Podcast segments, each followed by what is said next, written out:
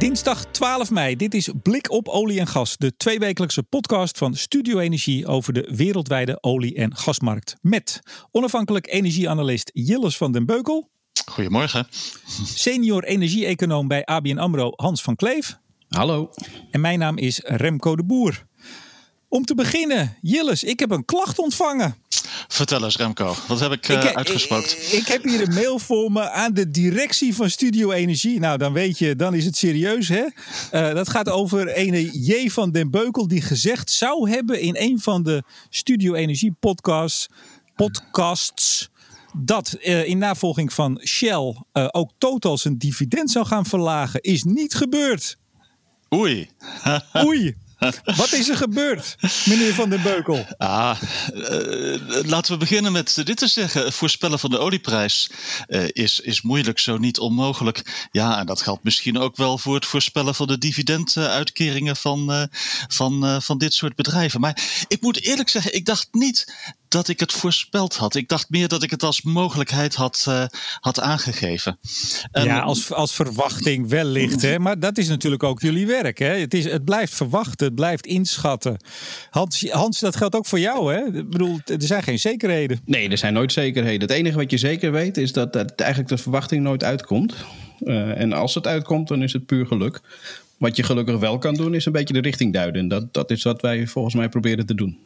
Nou, wat we in ieder geval ook zeker weten is dat er waarschijnlijk veel uh, geluid zal zijn uh, van boren. Want ik zit thuis, ik zit inmiddels in de kast, letterlijk in de inloopkast. Want twee huizen verder worden er betonboringen uitgevoerd. Dus mocht dat uh, gehoord worden, en ik denk dat dat zal gebeuren, dan weten de luisteraars ook even wat dat betekent. Goed, Jilles. Ja, nee, ja, klacht, dat was natuurlijk een grapje. Hè? Ja, ja, ik snap het. Maar uh, als er. Uh, ik wil nog wel een, een, een voorspelling doen. Een hele voorzichtige voorspelling. Oh, kijk toch uit, man. als er bij Q2 iemand het dividend gaat verlagen, is de kans toch wel het grootst voor uh, BP, denk ik. Genoteerd en we zien de mails. Dus wel hiermee kun je me over drie komen. maanden om de oren slaan. Goed, we gaan naar Saudi-Arabië. gisteren Maandag 11 mei was dat. Uh, productiebeperking, een verdere productiebeperking van 1 miljoen vaten bovenop de OPEC-deal. Bovenop het deel wat ze al zeg maar, voor hun rekening hadden genomen. Dat was geloof ik bijna 7,5 miljoen. Pardon, 8,5 miljoen. Dat is nu 7,5 miljoen. Of andersom. Nou, jullie ja, begrijpen Het is nu 7,5 geworden. Dat bedoel ik. Ja. Uh, Kuwait doet ook nog een stukje mee. Uh, de Emiraten, 80.000, 100.000 vaten. waarom gebeurt dit? Nou ja, eigenlijk omdat uh, ik denk de, de, vraag trekt wat aan. Er komt er, uh, ja, of, of zoals Saudi-Arabië eigenlijk aangeeft, van, je moet, moet voor de curve uit blijven lopen. Dus een beetje extra stimulans om die olieprijs wat te herstellen, kan blijkbaar geen kwaad. Dus, maar dan heb ik begrepen dat, althans dat zijn geruchten, dat Irak uh, zijn deel van de OPEC-deal. Zaten ze er eigenlijk in, heren? Weet ik niet. Uh, dat die, die, niet zouden uitvoeren. Dat ze eigenlijk nog geen aanstalten maken. En dat uh, Saudi-Arabië ook vooral hun deel probeert af te dekken. Zit daar grond van waarheid in? Nou ja, dat, ik weet het niet. Het zal Saudi-Arabië. Het zal sowieso zal dat uit de cijfers moeten blijken natuurlijk. En wellicht dat Saudi-Arabië daar wat meer beeld op heeft. Ik moet altijd afwachten op de, op de rapporten die uitkomen en, en dat soort cijfers bevestigen. Maar goed, het zat natuurlijk al een beetje in de lijn van de verwachtingen dat niet iedereen zich even streng zou houden of zou kunnen houden aan de afspraken zoals ze gemaakt zijn productiedaling van 23% is, is ook niet niets. Dus ja, dat, dat kost enige moeite. Jilles, uh, ook jij was niet zo hoopvol uh, dat Rusland zijn uh, afspraak zou houden. Ik begrijp dat ze op dit moment nog steeds goed meelopen. Ja, er was uh, iets uit bij uh, Reuters waarin gesteld werd dat ze toch voor een, uh, de eerste week van mei voor een 80, 90 procent, bijna 100 procent aan, het, aan het verminderen waren. Klopt? Ja. Doe maar. Dus nou, hebben ze jullie dan positief verrast, heren? De, de Russen zeker? De Russen. Uh, ja, je ziet toch eigenlijk wereldwijd dat uh, er behoorlijk verminderd wordt. En uh, ja, dit is niet het moment om niet je best te doen. Nou zag ik ook dat Saudi-Arabië ook gisteren bekend maakte dat ze de BTW van 5% naar 15% gaan verhogen. Dan denk ik, die jongens zitten in problemen. Ja, dat, dat, dat, dat, is, dat is duidelijk. Kijk, ze hebben natuurlijk enorme financiële reserves, maar ook aan grote reserves komt een keer een eind. en, en dit geeft wel aan, en ook de toelagers hè, richting de bevolking, die, die zijn wat verlaagd. het geeft wel aan dat de situatie niet, niet heel erg florissant is. dus ingrijpen was, was nodig. En misschien dat ook in het verlengde daarvan die extra verlaging van de productie natuurlijk, ja, dat ze daar wat zoden mee aan de dijk proberen te zetten. Nou, nou zei de minister van Economische Zaken, zeg maar de, de Wiebes van Saudi-Arabië, die, die zei ook dat ze een aantal ehm, investeringen of initiatieven eh, die binnen het Vision 2030 plan, dat kennen jullie hè, dat strategische plan om de afhankelijkheid van olie te verlagen, ja, dat daar ook in gesneden gaat worden. Dat, dat voorspelt niet heel veel goeds dan voor hun voornemen, of wel? Nee, nou ja, goed. Kijk, zij zijn natuurlijk druk zoekende om inderdaad die economie te diversificeren. Uh, maar goed, daar, daar, heb je wel geld voor nodig. En uh, dat, dat is iets wat ik in mijn, uh, in mijn, mijn Prinsjesdagrapport in 2016 al een keer geschreven had. Van ja, een, een energietransitie. Het beroemde Prinsjesdagrapport van 2016. Op te zoeken op de website. um, maar goed, dat gaf ik ook aan. Van een energietransitie is niet één energietransitie. Het zijn er in ieder geval drie. Het is, heel veel focus ligt natuurlijk op de aanbodzijde. Hè? van fossiele brandstoffen richting de wat duurzame energiebronnen. Uh, je moet ook de vraagzijde, uh, moet natuurlijk een hele energietransitie door.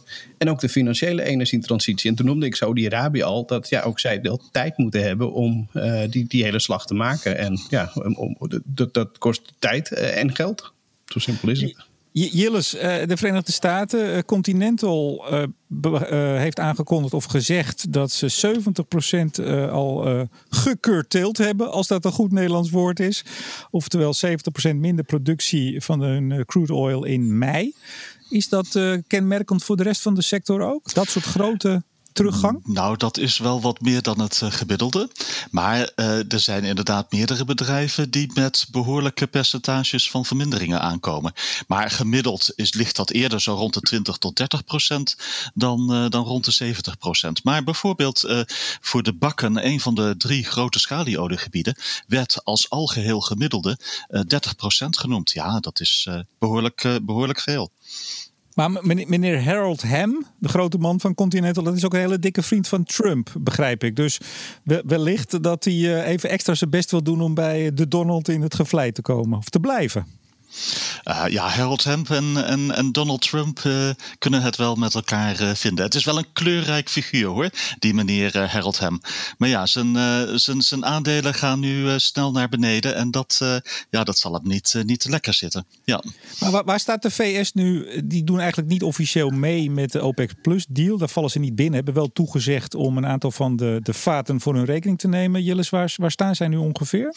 Nou, je ziet dat het met een vergelijkbaar percentage omlaag gaat, denk ik, dan, uh, dan Saudi-Arabië en, uh, en Rusland. Alleen het gaat met een, uh, om een heel andere reden, met een heel ander proces. In de Verenigde Staten is het toch echt een combinatie van hele lage prijzen, die nu weer wat aantrekken overigens, en een gebrek aan opslagcapaciteit. Nou had jij een column gisteren bij Energia. En daar schreef jij dat inmiddels de productievermindering zo'n 20 miljoen vaten per dag bedraagt. Ja, richting de 20 miljoen. Uh, als ah. je concrete cijfers wil, uh, bijvoorbeeld IHS, die zat op 17 miljoen. En dat is dan wereldwijd. Uh, ja, en dat, dat, dat is een behoorlijk, aant behoorlijk hoeveelheid. Ja, en je ziet nu eigenlijk, ehm, je ziet dat die productieverminderingen naeilen bij de vraagvermindering. De vraag begint nu aan te trekken. En de productievermindering zet door. En het lijkt erop dat die twee elkaar zo eind deze maand, begin volgende maand gaan kruisen. Maar, maar, Hans, als we nou eens helemaal geen OPEC-deal hadden gehad. Die ging 1 eh, mei in, 9,7 miljoen vaten voor deze maand en, uh, en de komende maand. We zitten nu dus al zo op de 17 richting de 20. Was die deal eigenlijk wel nodig? Was het niet gewoon sowieso gebeurd door vollopende uh, opslag? Terminals, et cetera. Nou, ik denk het wel. Alleen dan zal het eh, ergens anders. Oh, ik hoor ineens mezelf. Hoe kan dat? Um, uh, even kijken. Nee, dan, ik denk wel dat dat kan. Maar dan, uh, dan, dan, had het vooral met, met, met. Ja, in de VS die klappen moeten komen. En, en hadden landen als een, een Saoedi-Arabië. Of in ieder geval met een lage productiekosten. Die hadden dat langer uitgesteld. Dus ik denk wat dat betreft dat het, olie, het productieakkoord wel heel goed is. en, en nodig was om inderdaad toch die, die eerste ja, aan, aanzwengel te geven. Is niet helemaal lekker Nederlands, maar... Nou, we, we begrijpen allemaal wat je bedoelt. Ja. Ja, Jillis, je, je, je stipte het al aan net. Er komt evenwicht, er lijkt evenwicht aan te gaan komen. Eind deze maand verwacht jij ook. Daar zijn meer analisten het over eens. Hebben we dan de, het ergste gehad? Uh, Fatih Birol van de IAA, die had het gisteren over Black April. nou, het is nu mei, dus Black April hebben we achter ons gelaten. Komt de oliemarkt in rustiger vaarwater? Uh, er komt wel in rustiger vaarwater. Je ziet toch van de, de, de paniek en de chaos is een beetje voorbij. Dus een soort modus vivendi gevonden om met deze situatie om te gaan. Uh, ja, is het ergste voorbij? Laten we zeggen, Black April is er voorbij. We zitten nu in Dark Grey May. En we gaan naar Medium Grey Juni of zo. Maar er is een lange weg te gaan. Uh, maar Heb zo... jij het over, over Fifty Shades of Grey, uh, nou, wie weet gaat dit wel 50 maanden duren. Nou, dat is wel heel lang. Maar toch, ja, je ziet nu ook de inschattingen voor de olievraag in eh, in, in 2021 naar beneden gaan. Uh, ja, parallel met hoe lang gaat de coronacrisis duren. ja, dit gaat een, een tijd duren en het is ook onduidelijk ja, hoe lang het gaat duren. Maar die zwarte april is in ieder geval achter de rug en het lijkt erop dat we zo rond eind mei, begin juni het moment hebben dat zowel de vraag als de productie pakweg orde van grootte een 20 miljoen vaten per dag naar beneden zijn gegaan. En dat de opslagen dan weliswaar vol zijn, historisch vol, maar niet onwerkbaar vol. En dat ze ook niet verder vollopen. Ja, en dat is toch een uh, oef, even ademhalen momentje. Hans, zien we die, uh, dat, dat naderende evenwicht, zien we dat al vertaald in de, de olieprijs? Nou ja, wat we in ieder geval zien is dat de, de, de bewegelijkheid en de volatiliteit er een beetje uit is. Dus uh, Brentolie die schommelt nu al een tijdje rond de 30 dollar. Eh, WTI zit op nou, 24, 25 dollar en, en dat lijkt wat stabieler. Dus dat, daar komt wat rust in. op zich is, is de, de grote paniek die we de vorige keer natuurlijk zagen, dat zat hem aan het eind van de expiratie van een, een contract. Ja, die, die duurt nog even. Dat is pas de 19e van de maand. Uh, dus wat dat betreft uh, denk ik ook dat ja, de komende dagen nog wel wat uh, stabiliteit is. En inderdaad, met wat, wat Jillis ook zegt, die balans die, die zien we nu wel. Dat daar reageert de markt ook. maar ik denk dat we nog wel heel huiverig moeten blijven voor een, ja, een, toch een soort van tweede ronde effect. en dan niet dus op de economie, maar meer een tweede ronde coronavirus effect met de bijbehorende maatregelen. Dus dat er altijd weer kans is op toch ja, een, een tegenval. En, en, en, en op dat moment liggen die voorraden natuurlijk inderdaad helemaal vol. Eh, en uh, ja, dan, dan, dan kun je een enorme prijsbeweging opnieuw zien. Maar betekent de enorme klap die de markt gehad heeft en de, en de schok en de paniek, dat men daar nu ook een beetje aan gewend is? Zou men nu makkelijker zo'n volgende golf uh, van teruggang kunnen opvangen? Denk nee, ik denk het niet. Uh, ik, ik, als je kijkt naar de financiële markt, uh, dan zie je echt wel dat, dat er toch wel weer behoorlijk wat partijen zijn die speculeren op, op, op prijsherstel. Die denken het ergens is achter de rug, dat gaat weer de goede kant op. maar daar schuilt altijd een risico in. Want op het moment dat die partijen denken van oh ja, het gaat toch de verkeerde kant op. of ze willen winst nemen op, op, op, een bepaald rendement op hun positie. ja, dan kan het ook weer heel erg snel omlaag gaan. Dus wat dat betreft blijf ik ook richting mijn klanten adviseren van ja, blijf voorzichtig, hou rekening mee dat, dat het herstel nu is, is mooi. Dat is ook gefundeerd. Uh, maar kan, het, is, het is nog wel heel erg fragiel. Jilles, de, hoe zie jij in de, de oliewereld, jou, toch jouw wereld, de, de, ja, het grootste deel van je leven? Daar heb jij vast toch heel veel contacten. Hoe, hoe, hoe is het gevoel daar? Kunnen ze zo'n volgende klap eventueel toch wat beter verwerken, denk je? Of niet.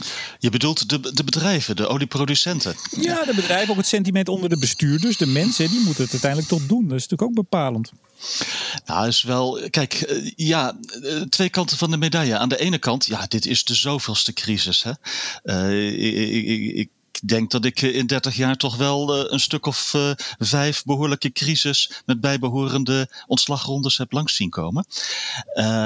Aan de andere kant, ja, er is toch wel uh, een aantal dingen die deze crisis ja, een beetje speciaal maken. dat is aan de ene kant die enorme uh, grootte van de vraaguitval. als we terugkijken naar 2008, nou ja, dan zitten we nu met een vraaguitval die is vijf of tien keer zo groot. Dus, dus dat maakt het speciaal.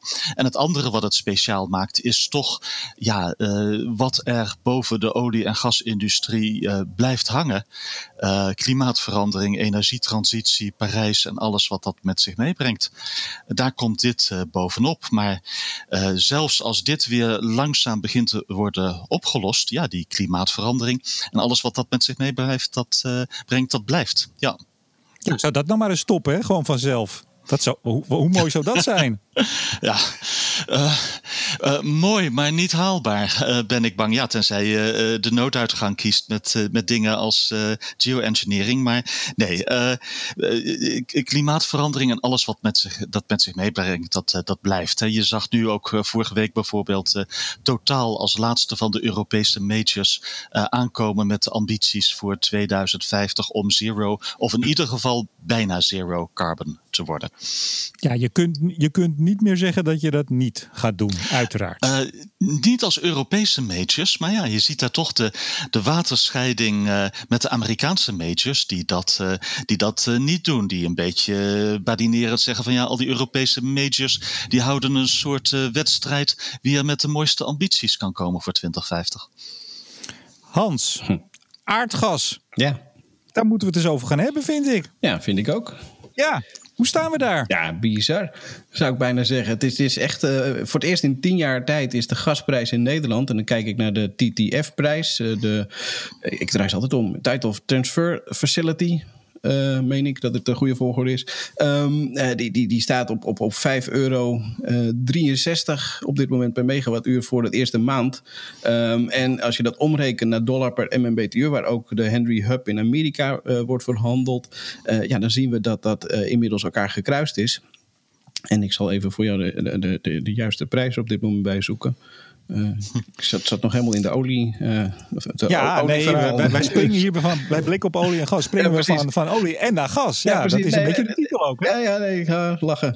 um, even kijken, als je kijkt naar dollar per MMBTU zit je op 1,78 op dit moment. Waar uh, Henry Hub in, in de VS op 1,83 zit.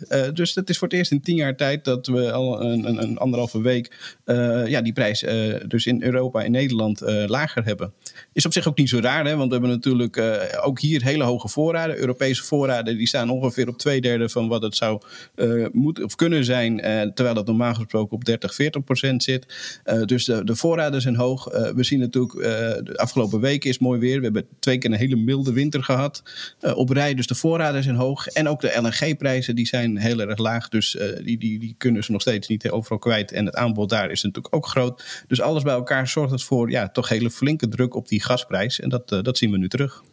Jilles, zien we al dat de LNG-export, want dat was toch wat onze kant op kwam hè, in Azië vanuit de Verenigde Staten. Heel goedkoop gas.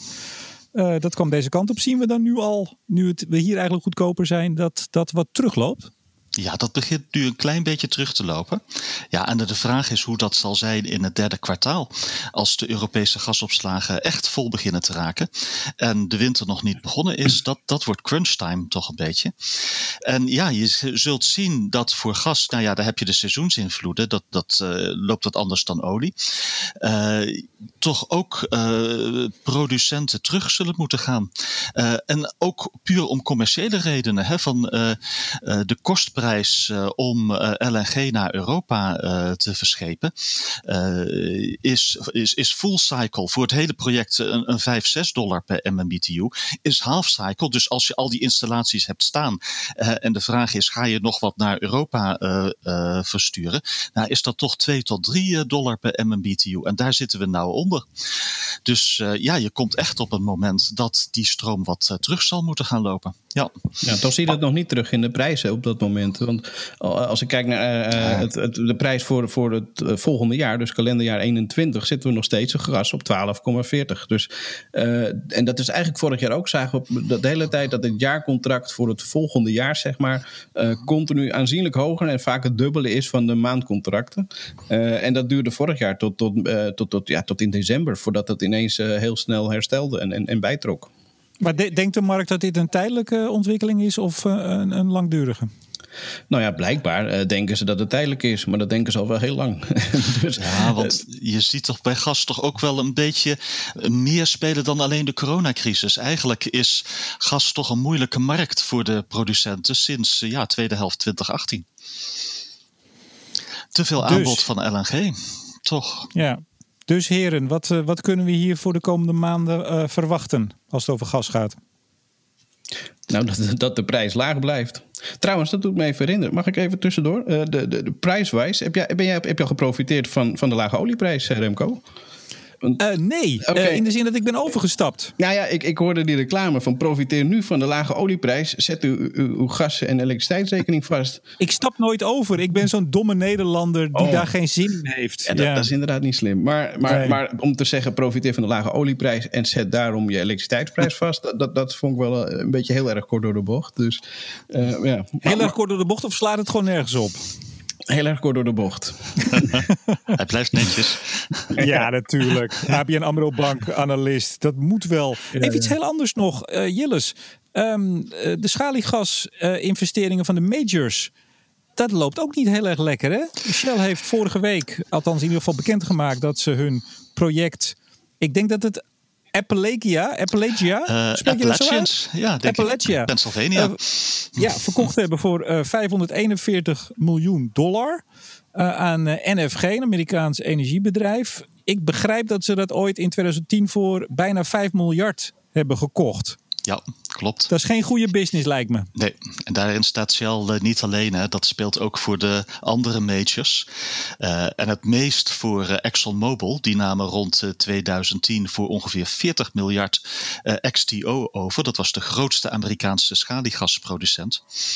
Ja, en net als Shell, dat deden ze in de verwachting toch dat de gasprijzen zo rond de 5, 6 dollar per MMBTU zouden blijven hangen. En we hebben nu een decennium van Henry Hub, Amerikaanse gasprijzen achter de rug, van uh, 2 tot 3 dollar per MMBTU. En ja, uh, dat is maar niet beter geworden. En dat betekent ja, dat, uh, dat uh, zowel Shell als ExxonMobil ja, hier gewoon verlies hebben geleden. Veel verlies hebben geleden hoor. Ja, en je ziet nou ja, dat. Aan de andere kant 4,7 miljard. ja, dus ze hebben zo'n 4 miljard erop moeten afschrijven. Ja, dat is voor Shell ook weer niet de wereld hè. Nou, dat, dat, dat vind je toch niet leuk hoor. Als nee, jouw naam onder anders. dat uh, investment proposal stond. uh, maar nee, je ziet hoe moeilijk Schali voor de majors is geweest. Ja, en wat daar ook wel een beetje bij meespeelt. Uh, in 2010 ja, was het toch een beetje de hoop dat de majors dit beter zouden kunnen. Met hun, hun, hun enorme technische kennis, met hun financiële slagkracht. Ja, en eigenlijk zie je van de majors kunnen dat niet beter dan de, dan de niche producenten. Naar mijn, naar mijn inschatting hoor. Het hangt er toch vooral vanaf van uh, hoe goed en hoe goedkoop zijn de contractors die je inhuurt en die het eigenlijke werk doen. De drillers en de frackers. Ja, en wat voor de majors heeft meegespeeld is Wall Street. Uh, Amerikaanse investeerders zijn hier maar geld in blijven pompen. Ja, tot een jaar geleden ongeveer. Ja. Nou, wie, wie het ook opboort en waar het ook vandaan komt, Hans. Uh, Nederland gaat juist steeds meer, meer aardgas uh, gebruiken. In plaats van dat we van het gas afgaan. CBS-cijfers van de week. Stijgende ja. lijn. Ja, goed, dat lag natuurlijk een beetje in de lijn van de verwachtingen. Uh, uiteindelijk de kolencentrale. we hebben er eentje gesloten. en er staat er eentje stil, zoals jij hebt aangekondigd. Um, en, en dat al enige tijd. we hebben natuurlijk ook gezien dat we een, een fantastisch mooie maand of, of twee maanden achter de rug hebben. Dus het weer is fantastisch. We hebben en wind en heel veel zon. Uh, met andere woorden, het duurzame uh, percentage in de elektriciteitsmix is ook behoorlijk groot. En de rest wordt als gevolg van die lage gasprijs natuurlijk heel makkelijk opgevuld met gas. Dus ja, dat het gasverbruik toe zou nemen was niet een hele grote verrassing. Ja, op dit moment maar geen kolencentrale kopen. Uh, nou, dat hangt van je lange termijn visie af. Maar, uh... oh, dan komt weer het keurige, het keurige antwoord. Ja, ja, ja maar, maar je kan hem niet bij ons financieren tenminste. Dat, dat, dat niet. nee, nee, dan moet je naar andere geldschieters. Ja. Zeg heren, uh, de vooruitblik. Nou, er komen weer allerlei rapporten aan. vandaag komt de, de EIA, de Amerikaanse Energy ja. Information Administration, met zijn short-term outlook voor mei. even kijken, de OPEC komt morgen met zijn maandelijkse rapport. Dan het IEA, die komt uh, weer een dag later. Wat moeten we daarvan verwachten? Waar kijken jullie naar uit? Eigenlijk de productiecijfers vind ik zelf altijd het meest interessant. Ik bedoel, het zijn altijd uh, super interessante rapporten hoor, maar over het algemeen wel een beetje, als je tenminste de markt op een dagbasis volgt, uh, zouden daar geen grote verrassingen in moeten staan. Maar een bevestiging van, van de trends is natuurlijk altijd prettig om te zien. En zeker dus in de productiecijfers hoop ik daar wel terug te lezen. Ehm, ja, dat, dat, die, dat die hard omlaag gaan. En hoe hard dan, hoewel je altijd een beetje het gemiddelde van die drie moet nemen. Want ze, ja, ze hebben allemaal nog wel een beetje een roze bril op en een eigen invalshoek. Wat dat betreft vind ik die van het IEA toch het meest betrouwbaar en het meest zeggen. Jilles, we hebben op 10 juni weer een nieuwe OPEC-meeting. Is dat eigenlijk nog allemaal wel relevant? Daar keken we, en misschien kijken we daar nog wel heel erg uh, uh, rijkhalsend naar uit. Maar als je ziet hoeveel productiebeperkingen er al zo links en rechts worden geïmproviseerd, zou ik bijna zeggen. Zoals in Saudi-Arabië met 10 miljoen. Moeten we daar nog met evenveel spanning naar uitkijken, 10 juni? Ja, de OPEC is altijd relevant. alleen moeten we niet overschatten wat ze kunnen. maar relevant is het zeker, ja. En het is toch ook ja, eh, heel interessant. Hoe gaan zij verder dit jaar door, door met die productieverminderingen? Van proberen ze die enorm hoog opgelopen voorraden, proberen ze dat snel af te bouwen? Of uh, bezwijken ze voor de verleiding om uh, weer snel de productie een beetje omhoog te uh, laten gaan? Gaan ze mikken op een 40 dollar per vat eind van dit jaar? Of proberen ze, ja, wat een, mij een hele klus lijkt, moeilijk, dat ietsje hoger te schroeven? Maar de OPEC is altijd relevant. Nou, dus in ieder geval iets om naar uit te kijken. Ja, zeker. Tot zover deze aflevering van Blik op olie en gas vanuit mijn klerenkast. uh, de tweewekelijkse podcast van Studio Energie over de olie- en gasmarkt. Met onafhankelijk energieanalist Jilles van den Beukel. Tot over twee weken. Senior energie-econoom bij ABN AMRO Hans van Kleef. Dankjewel weer. En mijn naam is Remco de Boer. Graag tot volgende keer.